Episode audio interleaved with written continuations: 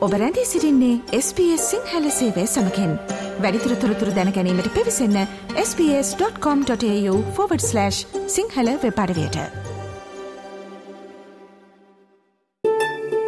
SBS world news ජාතික සහ අන්තර්ජාතිකව ඔබට වැදගත්වන ප්‍රවෘත්ති සැනින් සමීප කරයි. මේ වෙනකොට ලෝකයේ වටා සිදුවන දෑ පිළිබඳව සමාලෝචනයේ දෙන ලොව වටා වෙදෙස් විති සමාලෝචනය අපි සුපුරුදු පරිදිහෙමනම් අද සිකුරාද ආරම්භ කරන්න සූදානම්. පසුගේ සති කීපය තුළදී සුපුරුදු විදිහට අපිත් එක්ක තොරතුරු වාර්තාකරණයට සම්බන්ධ වෙන AFP ප්‍රවෘත්තිජාලයේ ශ්‍රී ලංකා ශාඛාවේ ප්‍රධානියා විදිහට කටයුතු කරන මාධ්‍යවේදී අමල් ජයසිංහ මහතාව සම්බන්ධ කර ගැනීමෙන් නොහැකියාවක් අපිට තුන අපි මේ පිළිබඳව මේ විශේෂාංගිනුත් ඔබට කිව්වා. ඔහු යම් අසනීප තත්වයක පසුනේ. දැන් තරමක් සුවය ලැබලා වුණත් අද අපිත් එක්ක වැඩසටහනට එකතු වෙනවා සති කිහිපයකට පස්සේ. අමල් බොහොම සාදරයෙන් කාලයකට පස්සේ ඔබව නැවතත් අපි සම්බන්ධ කරගන්නවා. ආයිබෝවන්. අයිබෝන් දිලුක්ෂි මං හිතනවා දැන් ඔබ සෑහෙන තත්වයක සුවදායක මට්ටමක ඉන්නවා ඇති කියලා කොහොමද ඔබේ සෞඛ්‍ය තත්ත්වය?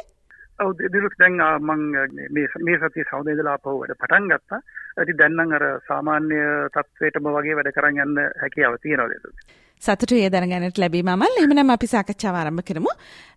මුලින්ම අවධානය යොමු කරන්න කැමති යුක්්‍රේන රුසියා අර්බුදය පිළිබඳව අපි දීර්ඝ වශයෙන් සාකච්ඡා කරමින් හිටියනි. දැන් මේ වෙනකොට යම් සුබදායක ප්‍රවෘත්ති වාර්තා වෙනවා. මේ විදිහට අත්තනෝමිතික අන්දමින් කිසිවෙකුගේ ආයාචනාවලට ඉල්ලීම්වලට කන් නොදෙන රුසියාව සාකච්ඡා මේසයට ගෙන එන්නට රටවල් කිහිපයක් එකතුව කටයුතු කරනවා කියලා. ඒ අතරින් ප්‍රංශය සහ චීනය ප්‍රමුඛත්වය අරගෙන තියෙනවා. අමල් මොකද්ද මේ උත්සාහය? දිල්ලක්ෂි මේ ප්‍රංසය දිගින් දිගටම කියා සිටියා මේ යුක්‍රේන් රුසියා අර්බුදයේදී රුසියාව සාකච්ඡා මේසයට ගෙනා යුතුයි කියලා. රුසියාව කොන් කරන්නේ නැතිව ඔවුන්ව සාම වැඩපිළිවෙලකට යොමු කර ගැනීමේ අවශ්‍යතාවය ප්‍රංශ ජනාධිපති ඉමැනුවල් මැක්‍රෝන් දිගින් දිගටම කියලා තිබුණා. ඒකේ එක්තරා විදිහකට අලුත් ප්‍රවණතාවයක් හැටියට බදාදා වෙනකොට ප්‍රංශ ජනාධිපතිවරයා චීන විදේශ ඇමතිවරයා එක්ක එකඟතාවයකට පැමිණියා යුක්්‍රේන රුසියා අර්බුදය සාමකාමීව අවසන් කිරීම සඳහා වැඩ පිළිවෙලක් දියත් කළ යුතුයි කියලා. ඉතින් මේක ප්‍රතිඵලයක් හැටියට බොහෝ විට චීනය දැනටමත් චීනය රුසියාවත් සමඟ ඉතාමත්ම කිට්ටු මිත්‍ර සම්බන්ධකම් පවත්වන නිසා චීනයේ මැදිහත්වීම ඇතිව පුටින් ජනාධිපතිවරයාව කැමති කර ගැනීමට සාකච්ඡා වටයකට ඔවුන් දැන් එකඟ වෙලා තියෙනවා. ඉතින් මේක වඩාත්ම වැදගත් වෙන්නේ මේ යුක්්‍රේන යුද්ධය ආරම්භ වෙලා හරියටම අවුරුද්දක් ගත වෙන්න සතියක් විතර තියේදී තමයි මේ විදිහට අලුත් සාම වැඩපිළිවෙලක් ගැන කතාබහක් ඇති වෙන්නේ. ඉතින් ඉහළම රාජ්‍යතාන්ත්‍රික මට්ටමින් චීනය සහ ප්‍රංශය මේ ගෙන යන තියෙන උත්සාහයෙන් ඔවුන් බලාපොරොත්තු වෙනවා ඉදිරියේදී ඇමරිකාව වගේ අනෙකුත් බටහිර බලවතුන්ගේ සහයෝගය ඇතිව සියලුම දෙනාටම සාකච්ඡා මේසයට ඇවිල්ලා මේ ප්‍රශ්නය විසඳා ගැනීමට වැඩපිළිවෙලක් සකස් කරති. ඒකේ මුල් අඩිතාලම මේ පහුගිය බදාදා ආරම්භ වුණයි කියලා අපිට කියන්න පුළුවන්. හොඳයි. දැන් අපි මේ යුක්්‍රේණය සහ රුසියාව සම්බන්ධව මේ පවතින යුදමේ වාතාවරණය යටතේ දෙරටේ ක්‍රියාකලාපය සම්බන්ධව වාර්තාාවෙන තවත් තොරතුරක් පිළිබඳව සාකච්ඡා කරන්න කැමති. අමල් මේ තොරතුර ගැන සාකච්ඡා කරදි මට මතක්කෙනවා පසුගිය සතියේදී මේ හා සමගාමීව ඇමරිකාවේ සිදුවන සිදුවීමක් ඒ පිළිබඳව දැන් සමස්ත ලෝකීය අවධානය යොමු වෙලක් තියෙනවා. ඇමරිකානු ගුවන්පතයට අනවසරයෙන් ඇතිලුණු චීන ඔත්තු බැලීමේ බැලූනයක් වෙඩිතබා බිමහෙලන්නට ඇමරිකාව කටයුතු කළා තමන්ගේ ගුවන් පතයට අනවසරෙන් ඇතුළුවීම සම්බන්ධව ඇමරිකාව දැරිලිසින් චීනයට චෝදනා එල්ල කළා. නමුත් ඒ චීනය ඒ චෝදනා ප්‍රතික්ෂේප කළා. ඔවුන් පැවසුවේ මේක මේ ඔත්තු බැලීමේ බැලුණයක් නෙවෙයි කියලා විවිධ තර්කයේ සම්බන්ධයෙන් අරගෙන ආවා. දැන් බොහොමයක් රටවල් බය වෙලා තියෙනවා. චීන මේ ඔත්තු බැලීමේ බැලුණ සම්බන්ධයෙන් මේ ඔස්ට්‍රේලියාවත් මේ සම්බන්ධයෙන් යම් සාකච්ඡාවාර ආරම්භ කළා චීනයෙන් මේ වගේ තර්ජනයක් ආවොතින් මෙරට ගුවන්පතේ ආරක්ෂාව සම්බන්ධයෙන් ගුවන් හමුදා ප්‍රධානයා යම් ප්‍රකාශයකුත් සිදු කළා තිබුණා ඊයේ වෙනකොට. තත්ත්වේ මේ ආකාරයෙන් තීද්දී රුසියාවේ මේ ආකාරයෙන් මේ ඔත්තු බලන බැලූනයයි සැකකරන බැලූන බිඳහෙලන්නට යුක්්‍රේණය කටයුතු කරලා තියෙන. මේක නිකම් ප්‍රවණතාවක් ඇති වෙලා යනවද කියලත් හිතනවා මල් මොකක්ද මේ පිළිබඳ වාර්තාවෙන්නේ ඒ පැත්තෙන්. මේක ඇතරම අලුත්ම උපක්‍රමයක් හැටියට තමයි යුක්‍රේණය සඳහන් කරන්නේ දැන් රුසියාව දිගින් දිගටම ඔවුන්ගේ ගොඩබිම සටන් වලින් යම්කිසි පසුබැමක් ඇතිවෙච්ච පසුබිමක ඔවුන් ගුවන් ප්‍රහාර එල්ල කරන්න යොමු වෙලා තියෙනවා. ඇතරම ගුවන් ප්‍රහාරය පහුගිය සතිය තුළ තවත් උත්සන්න කරලා තියෙනවා. ඉතින් ඒ ගුවන් ප්‍රහාර එල්ල කරන්න ගුවන් යානා පාවිච්චි කරනවට අමතරව දැන් යුක්‍රේනය චෝදනා කරනවා රුසියාව දේශගුණික බැලුන් හයක් හතක් යුක්‍රේනයේ ගුවන් පතයට ඔවුන් මුදාහැරලා තියෙනවයි කියලා. ඉතින් මේ බැලුනයක් හැටියට තමන්ගේ ගුවන් සීමාවට මේවා ඇතුළුනහම ඒවා ඇතුල්වීමත් එක්කම යුක්‍රේනයේ රුසියාව විසින් බෝම්බ හෙලනවයි කියන ඒ අනතුරු ඇඟේ මුළු ඒ ප්‍රදේශවලට කරලා ජනතාව ඇතරම බියගන්වන තත්ත්වයකුත් ඇති වෙලා තියෙනවයි කියලා යුක්‍රේනයේ චෝදනා කරලා.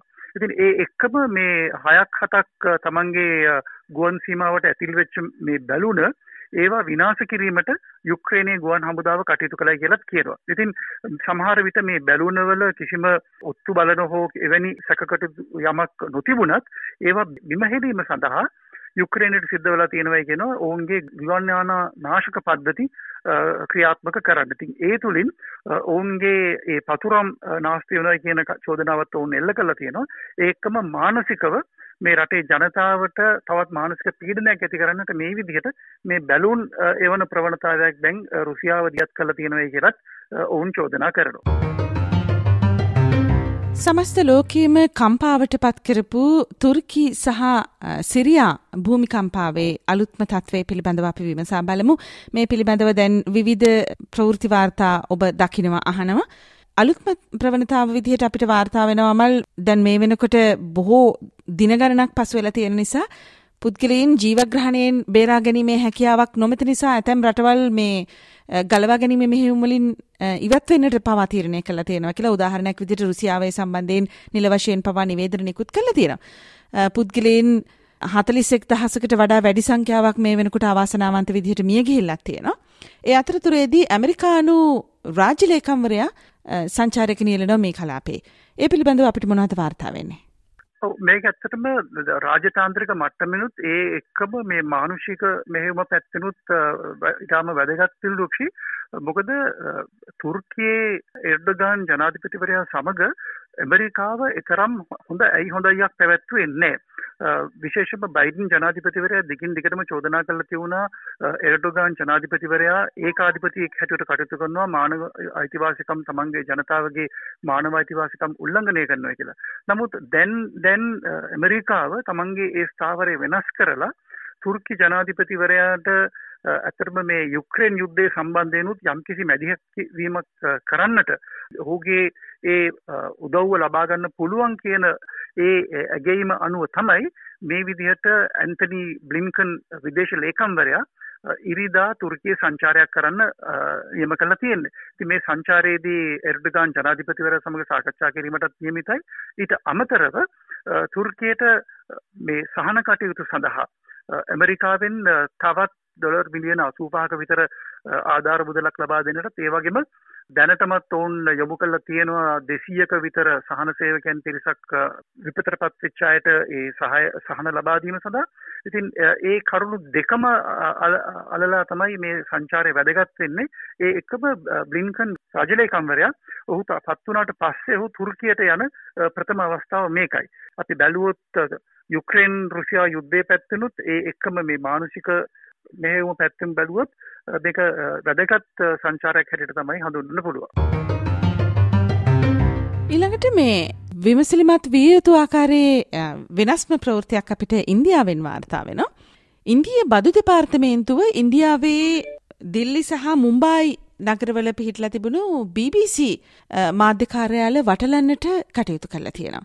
හදිසියේ මෙවැනි දෙයක් ඉන්දිය බදු දෙපාර්තමේන්තුව සිදු කළේ ඇයි? ඇයි මේ BBC මාධ්‍ය ඉලක්ක කරගෙන තියෙන්නේ? මේ පසුපස තියෙන කතාව මොකක්ද? මේක ටිකක් කුතුහලයේ දනවන ප්‍රවෘත්තියක් කමල්. මොනවද අපිට වාර්තා වෙන්නේ?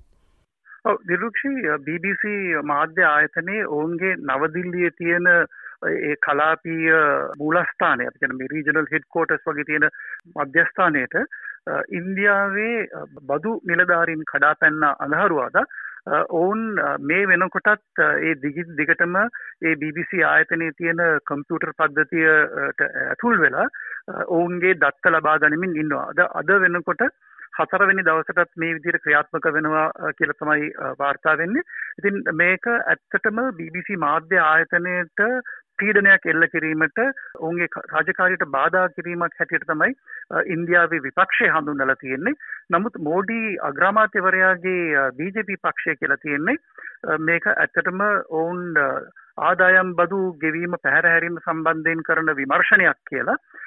නමුත් බදු නිලධාරීන් කඩා පැනීම සිද්ධ වෙන්නේ BBC ආයතනය ඉන්දියාවේ දෙදස් දෙකේදී ගුජරාත් ප්‍රාන්තයේ තිබිච්ච ඒ කෝලාහලය සම්බන්ධයෙන් ඔවුන් වාර්තාමය වැඩසටහනක් නිකුත් කිරීම තමයි මේකට හේතුව කියලා බොහෝ දෙනෙක් විශ්වාස කරනවා. මේ දෙදස් දෙකේ ගුජරාත් ප්‍රාන්තයේ ප්‍රධාන ඇමතිවරයා හැටියට කටයුතු කරේ දැන් ඉන්දියාවේ අග්‍රාමාත්‍ය මෝඩි ඒ මෝඩි ප්‍රධාන ඇමතිවරයා ඔහු ගුජරාත් ප්‍රාන්තයේ මේ කැරලි කැරලි කෝලාහල ඇතිවන අවස්ථාවේදී ඒ කැරලි කෝලාහල පාලනය කිරීමට යොමුණේ නෑ දිගින් දිගටම මුස්ලිම් වරුන්ට හානි වෙන එක සම්බන්ධයෙන් ඒවා වලක්වන්නට ඔහු කටයුතු කළේ නෑ කියන ආකාරයේ පණිවිඩයක් මේ BBC වැඩසටහනෙන් ප්‍රකාශ වෙලා තියෙනවා. ඉතින් මිට කලින් මේ වැඩසටහන මේ අපි කියන මේ ඩොකියුමෙන්ට්‍රි එක YouTube හරහා විකාශනය වෙන අවස්ථාවලදී ඒක ඉන්දියාවේ නරඹන්න බැරි විදිහට ඉන්දිය බලධාරීන් විසින් ඒක අපි කියනවා මේ බ්ලොක් කරලා තිබුණා. ඒ එක්කම මේ BBC ආයතනයේ වාර්තා මේ වැඩසටහන මේ ඩොකියුමෙන්ට්‍රි එක ඒක ඉන්දියාව තුළ විකාශනය කිරීමත් ඉන්දිය රජය ඒකත් නතර කරලා තිබුණා. ඉතින් එවැනි වටපිටාවක තමයි මෝඩී අග්‍රාමාත්‍යවරයාගේ ආණ්ඩුව මේ ආකාරයෙන් මේ මාධ්‍ය ආයතනයට බලපෑමක් කරන්න කටයුතු කරලා තියෙන්නේ. ඉතින් මේක නවදිලින් නුවට පමණක් නෙවෙයි මුම්බායටත් මේ මුම්බායේ තියෙන BBC ආයත කාර්යාලයට මේ විදිහටම පිරිස කඩා වැදිලා තවමත් ඒ ඔවුන්ගේ පරිගණක පද්ධති සෝදිසි කිරීම සිද්ධ වෙනවා කියලා තමයි වාර්තා වෙන්නේ. අමල් අපි ස්තුතිය පල කරනවා. හැමනම් මේ ගෙවිලෑන සතියේ ලෝකේ පුරාම විශේෂිත කාරණා කීපේ සමීප කරන්න. එබනම් යළිත් අපත් සමඟ සම්බන්ධවීම පිළිබඳව බොහොම ස්තුතියි. අපි යළිත් ලබන සිකුරාදා නැවතත් හමුවම. අයිබෝවන්. අයිබෝන් දිල්ලක්ෂි